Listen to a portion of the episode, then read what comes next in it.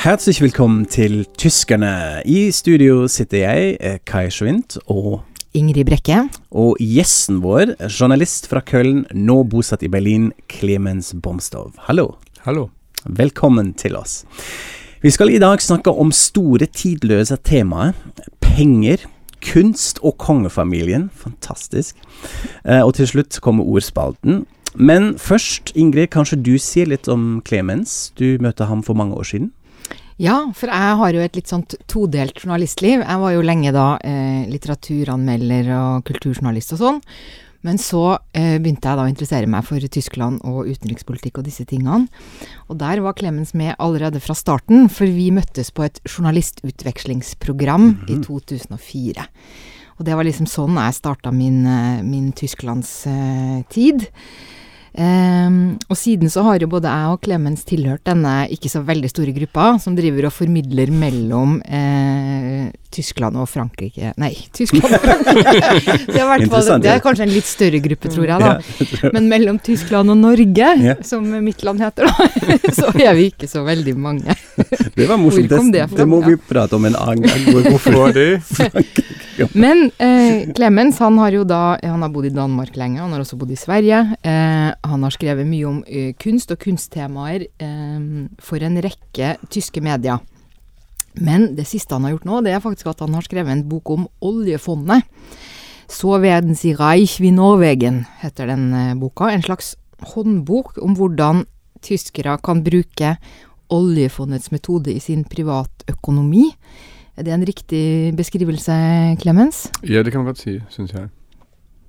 Kan du si litt om eh, hva boka inneholder? Gi oss noen mm, altså, Jeg har overordnet der skrevet for bl.a. Die Welt og, og Financial Times Deutschland og um, andre tyske aviser. Så var det to emner som alltid kom tilbake, jeg kom tilbake igjen og igjen til hvis det dreide seg om Norge. Og det ene var Nobelpriset.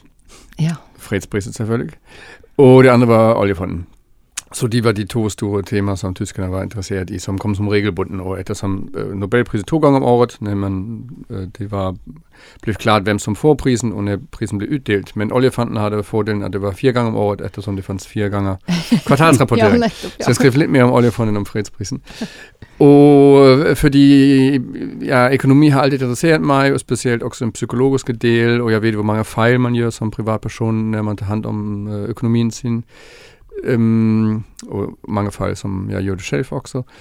Så, så kom jeg på tanke ok, det finnes jo den der store, det er jo faktisk verdens som man sier, sovereign wealth fund, norsk oljefond, som gjør det ganske godt. Så kanskje man kan ta den som blueprint. Og så satte vi litt mer inn i det og gjorde research og snakket med folk og leste gjennom alle de der 20 årsrapporteringer og mange kvartalsrapporteringer som fantes. Og så merket jeg jo, den er egentlig rett godt egnet, fordi den er veldig transparent og, og relativt enkelt at forstå, og derfor en, på en måte mer eller mindre perfekt forbilde til privatpersoner.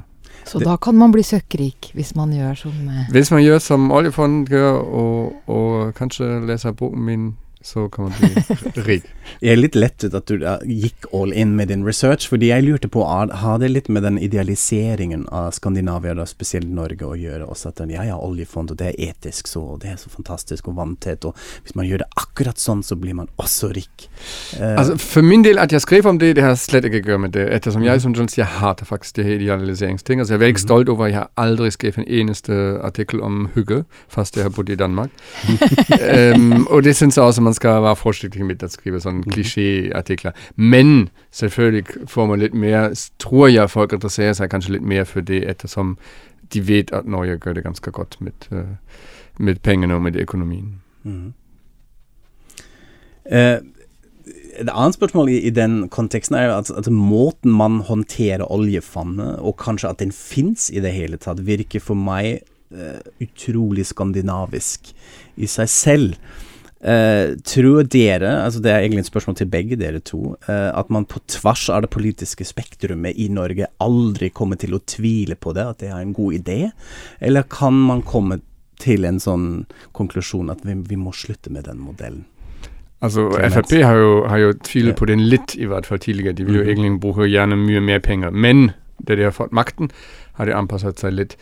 Og ja, jeg tror det er kanskje litt, litt uh, skandinavisk. Man kan jo se Venezuela og mange afrikanske land også, som kunne vært mye mer rik hvis de kanskje Nå vil jeg ikke idealisere Skandinavien, men hvis de skulle handle litt med skandinavisk og bruke ressursene deres bedre. Holland har jo også gjort mange feil mange mange år siden da de fikk uh, gassressursene.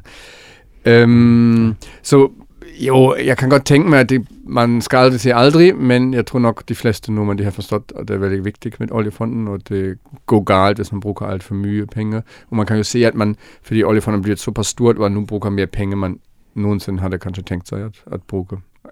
Absolut sett, relativt sett holder man jo selvfølgelig til Stoltenbergs handlingsregel. Mm -hmm.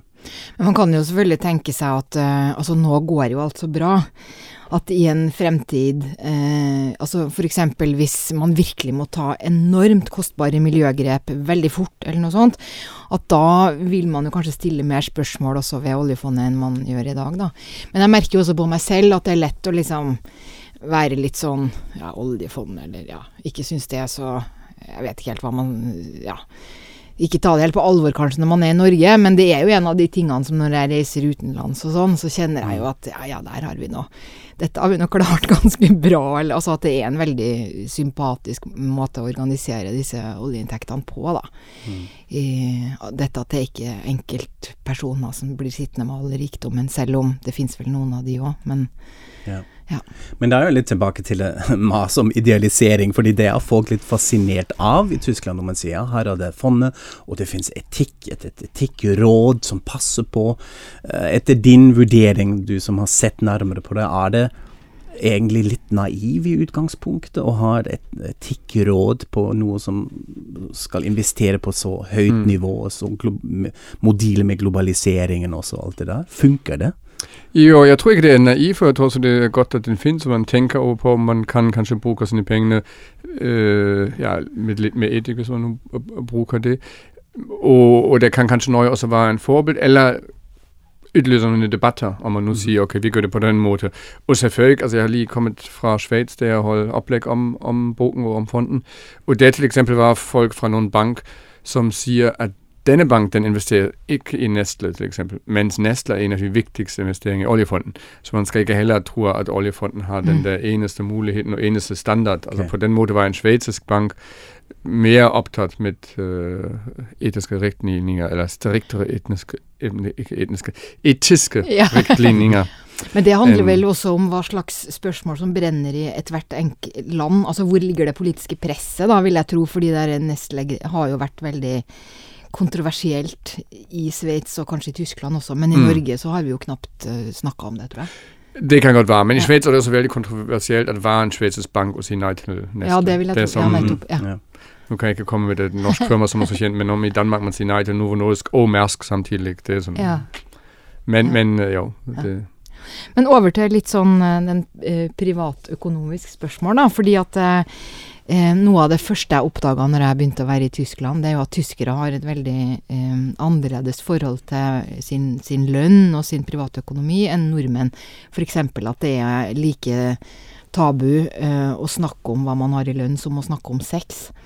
Eh, er du enig i det? det? Merker du denne forskjellen? At det er eh, At tyskerne ikke kan Eller jo. er du enig i at tyskerne ikke kan snakke om sin privatøkonomi, mens i Norge er Jeg tror nok de vil det ikke så, um, ikke så gjerne.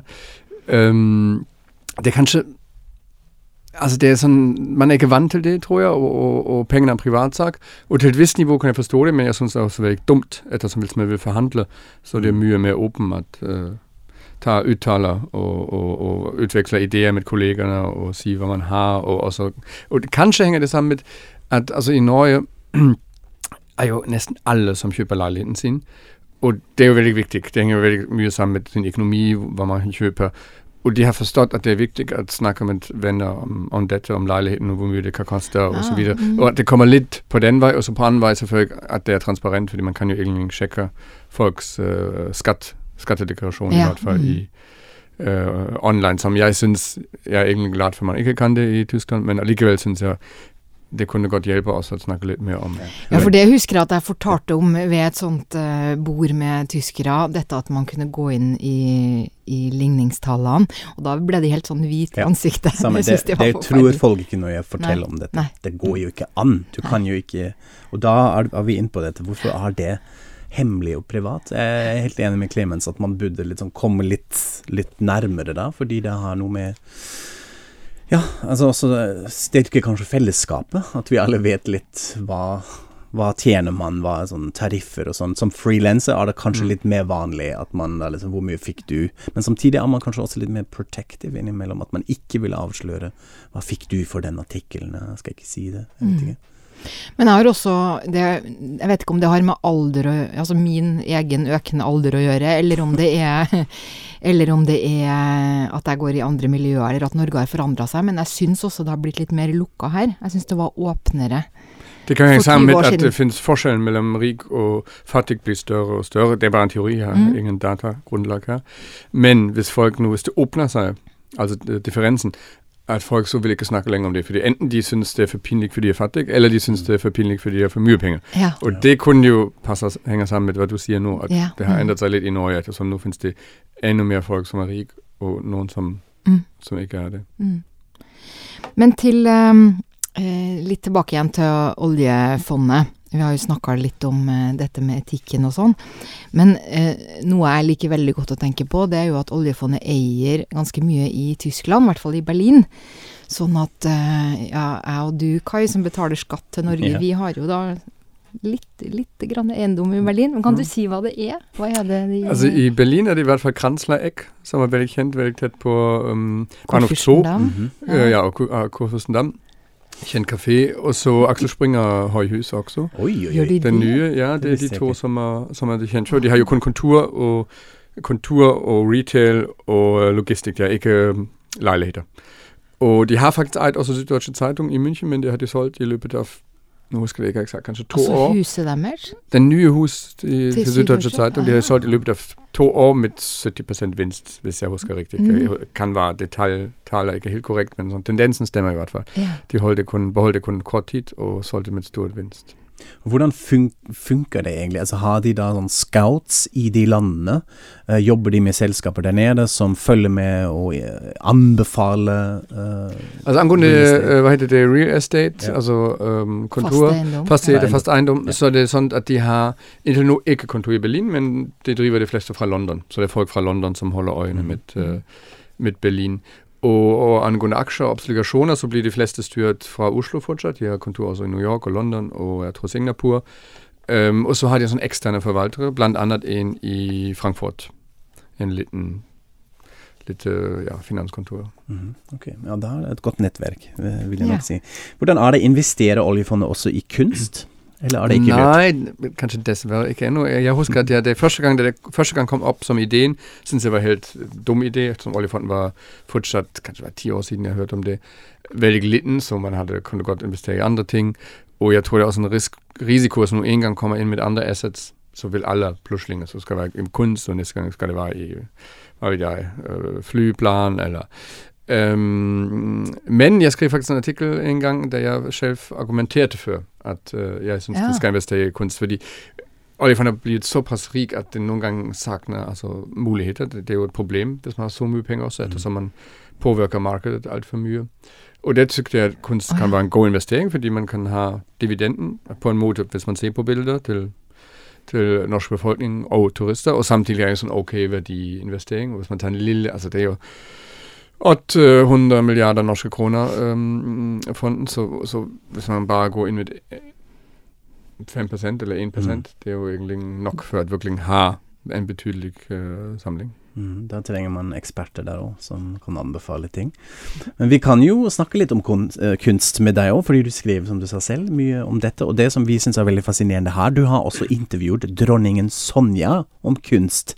Hvordan var dette? Det var veldig spennende. Jeg var til uh, Wall Street Journal i Slottet, Mhm. og så ble jeg invitert i virkelig den private delen også, ettersom det er jo der hennes kunst henger, ikke kun i den helt store. Og så gikk vi rundt i jeg tror jeg var fire timer der, så det var alle nordmenn var veldig ah, ja. overrasket. Ja. Hun, hun, øh, fant så mye tid for å vise meg rundt, men det henger sikkert uh, Jeg kunne godt si det er fordi det er jeg, og jeg har jobbet mye med Norge. Men for å være ærlig, uh, jeg tror det meste var også fordi hun liker jo veldig godt uh, kunsten, og, og, og, og, så er hun glad for det. men det var veldig spennende. Altså, jeg synes jeg hadde møtt henne og også kongen sammen en gang tidligere til en intervju til Welt am Sonntag, var det, hvis jeg husker riktig. Eller De Welt, en av de to.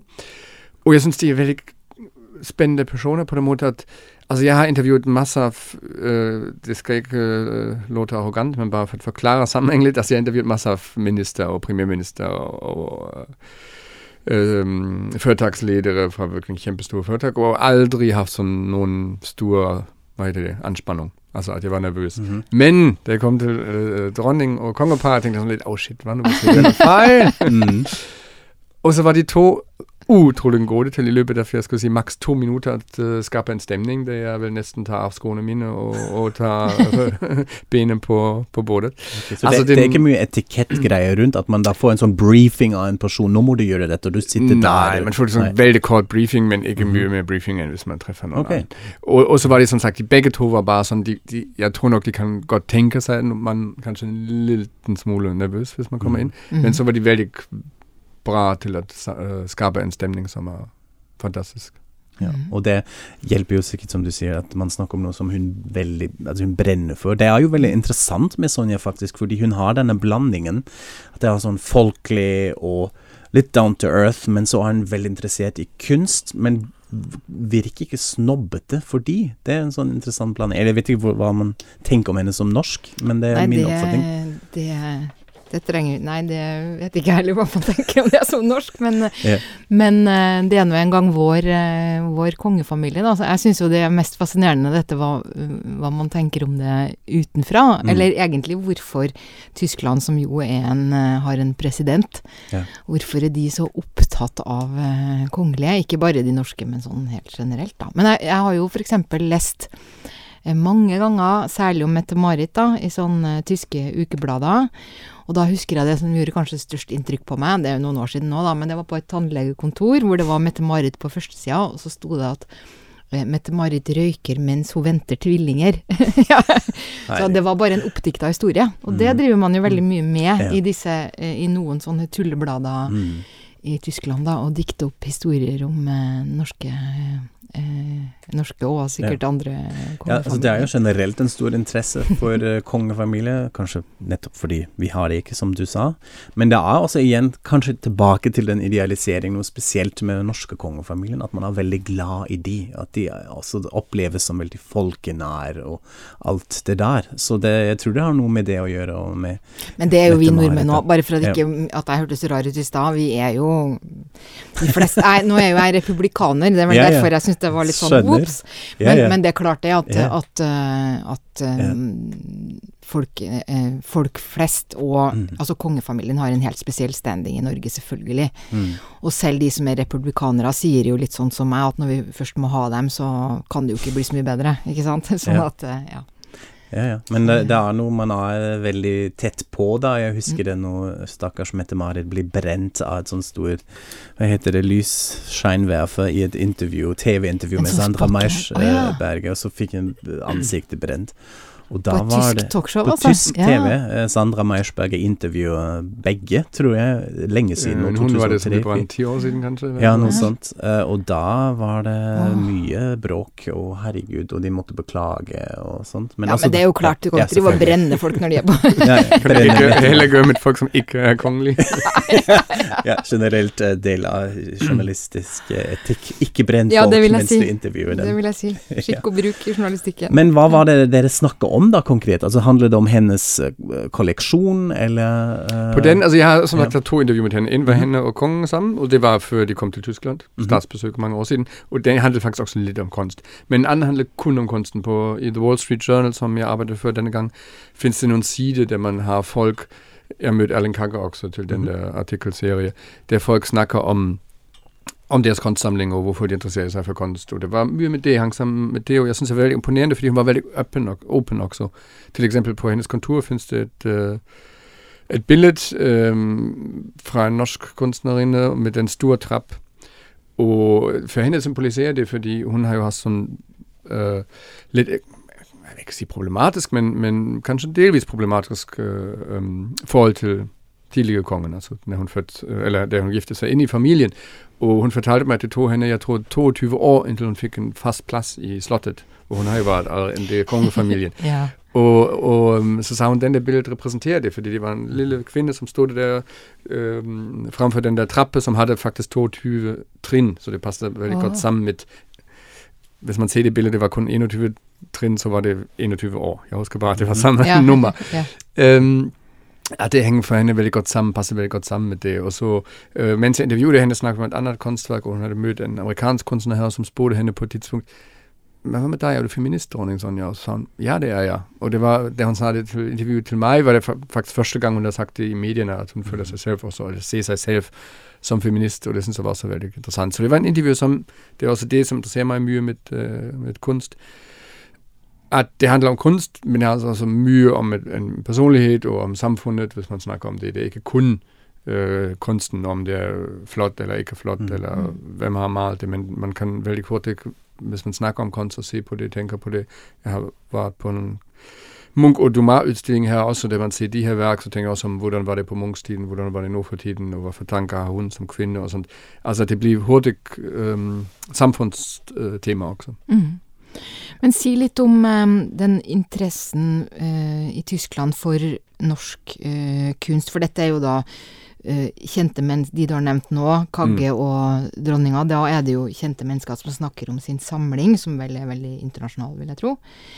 Men, men Og så vil jeg jo tro at de fleste er interessert i Munch-tema. men ellers, hva er Tenker man på Norge som et slags land som har noe å by på, eller er det mer det at det er litt eksotisk og sånn? Altså, de, begge to har faktisk hatt selvfølgelig sånn litt fokus på norsk kunst, men, ja. men, men internasjonal samling, men med fokus på norsk kunst, okay. skulle jeg nesten si. Altså, begge to ja. har i hvert fall hatt mye mer norsk kunst enn hvis du går til en samler i Frankrike eller, eller Tyskland, eller hva vet jeg. Um, ja, altså det, det, det, på den måten er det sikkert sånn at folk i Tyskland utover Munch kjenner mange ikke så mange uh, norske, norske kunstnere. Det må man nok være ærlig. Um, vi har jo til eksempel Inga Dragseth, som er del av duoen uh, Inga Dragseth, som bor i, i Berlin, mm. og han er norsk. Uh, og man har så noen andre norske samtidskunstnere. Jeg tror nok, hvis man spør folk på gaten, er det sikkert mest de kjenner krimiforfattere fra, ja, fra ja. hele Norden. Ja. Og det er også greit med det. Mm. fordi men, men det finnes sikkert kanskje også noen ganger altså Ida, um, Ida Ekblad har fått veldig mye oppmerksomhet i, i Tyskland. Noen sier bare fordi hun er ung og flott og veldig god til marketing, hvis man vil si det sånn litt negativt, og at mm. noen syns kanskje selve kunsten hennes er litt overvurdert. Men hvis man ser på den brede befolkningen, tror jeg nok de fleste er fordi folk er mer interessert i krimi enn i kunst.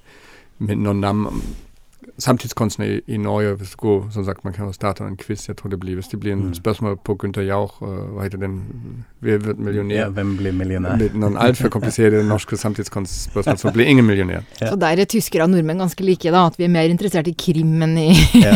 enn i kunst. Kanskje også fordi det er faktisk litt vanskelig å komme med en sånn tydelig knagg, altså som du har litt sånn Scandinavian noir i TV-serier, sånn, det har du kanskje ikke med kunsten. Uh, at, man, at det er så tydelig hva det skal fremstille.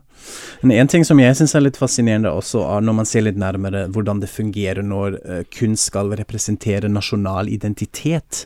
Da har vi jo kanskje høstutstillingen her i Norge som samler dette litt sånn, altså samtidskunst i Norge. Hva er norsk kunst? I Tyskland kanskje dokumenter som prøver dette. Ja, men det er jo veldig internasjonalt. Ja, ok. Altså, Sammenlignet med høstutstillingen ja. i hvert fall er det som veldig at prøve å ja, egentlig ikke sånn, ja. skjerme det for mye.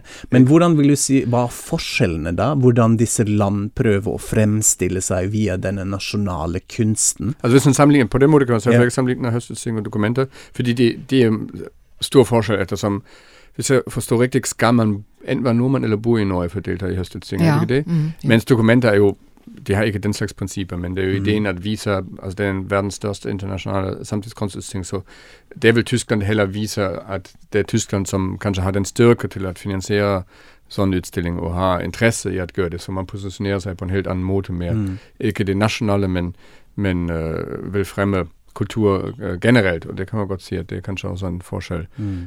Men det henger også kanskje sammen med hvordan det blir etablert, og hvilken rolle Tyskland vil spille i Europa. Og så er det også mye enklere å kjøre til Kassel enn til Oslo hvis man nå bor i Sentral-Europa. Så har jo dokumenter også gått ut. De hadde jo en, en del i Hellas, i At- Aten, tror jeg. Altså en sånn branch, eller filiale, hvordan man skal kalle det. Så da har man kanskje litt de klisjeene igjen. Tyskland som kanskje litt ukomfortabel med det å presentere en sånn klassisk rett frem nasjonal identitet i kunsten, men heller vil være europeisk.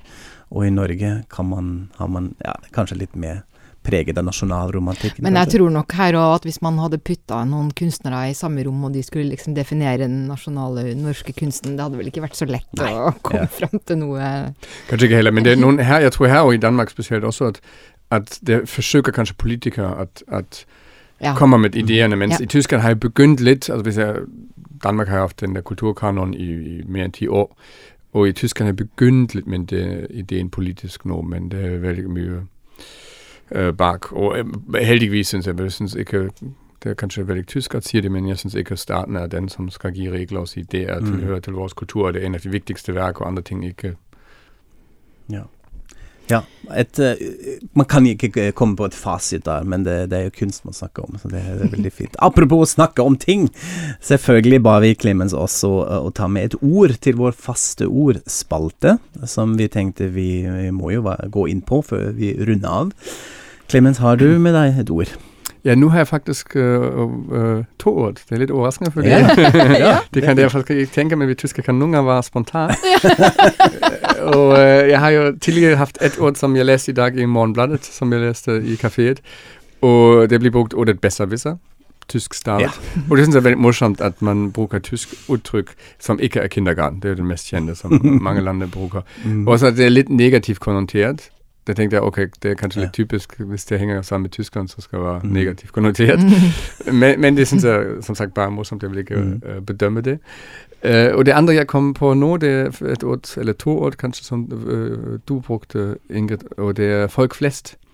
Det Ja. synes jeg er en veldig Ja, ja. øh, interessant Aha. uttrykk. Det blir brukt ganske Mhm. mye, Ja. selvfølgelig i den politiske debatt. Mm. Og jeg syns bare det, at det er en alliterasjon, så selvfølgelig er det noe man husker. Og, Mhm. og selve uttrykk bare Ja, altså det, man bruker det ikke mye i tyske debatter. Noen ganger tenker også hvordan man skulle oversette det. Altså de, de, de Ja. stille merhet, de Ja, allgemeinheit. De allgemeinheit, Altså det kanskje? lyder som byråkratisk. Ja, man oversetter ja, det men folk flest har noe mer, faktisk mer Ja. folkelig down to earth, med, mer sånn Ja. aut autentisk Mm. enn de allgemeinheit. Det mer Altså jeg kommer ikke på noe, i hvert fall spontant. på Men hvordan er det med på svensk og dansk? Fins det noe lignende? Sier man også folk flest da, eller har de noe annet? Altså, d- danskene snakker veldig gjerne om sånn altså, øh, det folkelige og sånn. Ja. Altså, hvis man noen ganger kommer litt an på hvis man vil være øh, gemein. Hva sier man gemein på norsk? Slem? Slem, så, Mhm. slem, så kan man slim, ja. Så kan man øh, Vi kan ta slem som tredje ord.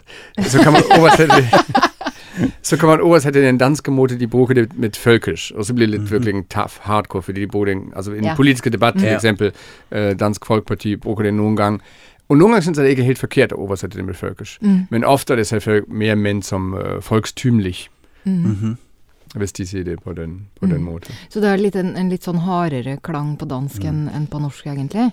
Ja, og det er også et adjektiv, mens folk flest er jo Ja. substantiv. Ja, sånn, og ja. Mm, ja. Og, og, men, men den måten det blir brukt på Jeg leser i Danmark i hvert fall ofte folkelig uh, enn Ja, jeg må tenke på, litt lenger tenke på øh, hvordan man eksakt man skulle oversette folk flest til svensk, eller Det er fordi når jeg, jeg som da tydeligvis sa det i stad, jeg tror nok at jeg bruker det nok litt når jeg trenger litt legitimering, men ikke har noe særlig godt argument. At det blir sånn Nei, dette er så vanlig, eller dette Ja. Ja, ja at det, og det kan vel hende at det, at det er sånn det ofte blir brukt politisk òg. At det er når man egentlig ikke helt har dekning, eller vet egentlig hvordan det er, så Mm. bare sier man det. Og at man føler på seg at folk flest er liksom enig i dette. Mhm, Eller ja, ja. at det er en litt sånn ting man kan bare slenge ut. Og relatert med til næringslivet har man jo også dette med Otto Normalverbraucher Mm. på tysk. Eller det er vel Ola Nordmann Ola Nordmann, ja. som man bruker for det der, Ja. som, som konsument, den, den som skal kjøpe. Men det kan kanskje gå litt utover næringslivet òg. Altså ikke normalforbraucher, da er det jo inne i, i ordet, men Ola Nordmann er kanskje også med sånn på folk flest. Ja, det har du, ja, det har du nok rett i. At, uh, Ola, ja, at Ola Nordmann er litt mer folk flest enn Mhm. Otto Normalfabracher, ja. ja. Mm. Ok, da, se, da har vi avklart Nei, det. da fikk vi litt nyanser inni. Ikke sant? Ja. Og vi regner med at folk flest og Ola og Otto likte å høre på oss. Nå skal vi runde av. Si tusen takk til deg, Clemens, at du var her med oss. Absolutt. Eh, takk til dere som hørte på oss. Takk til vår eh, tekniker Tom på eh, Westerdals studio, hvor vi spilte inn denne episoden. Og så sier vi auf Wiederhøen. Auf Wiederhören. Auf Wiederhören.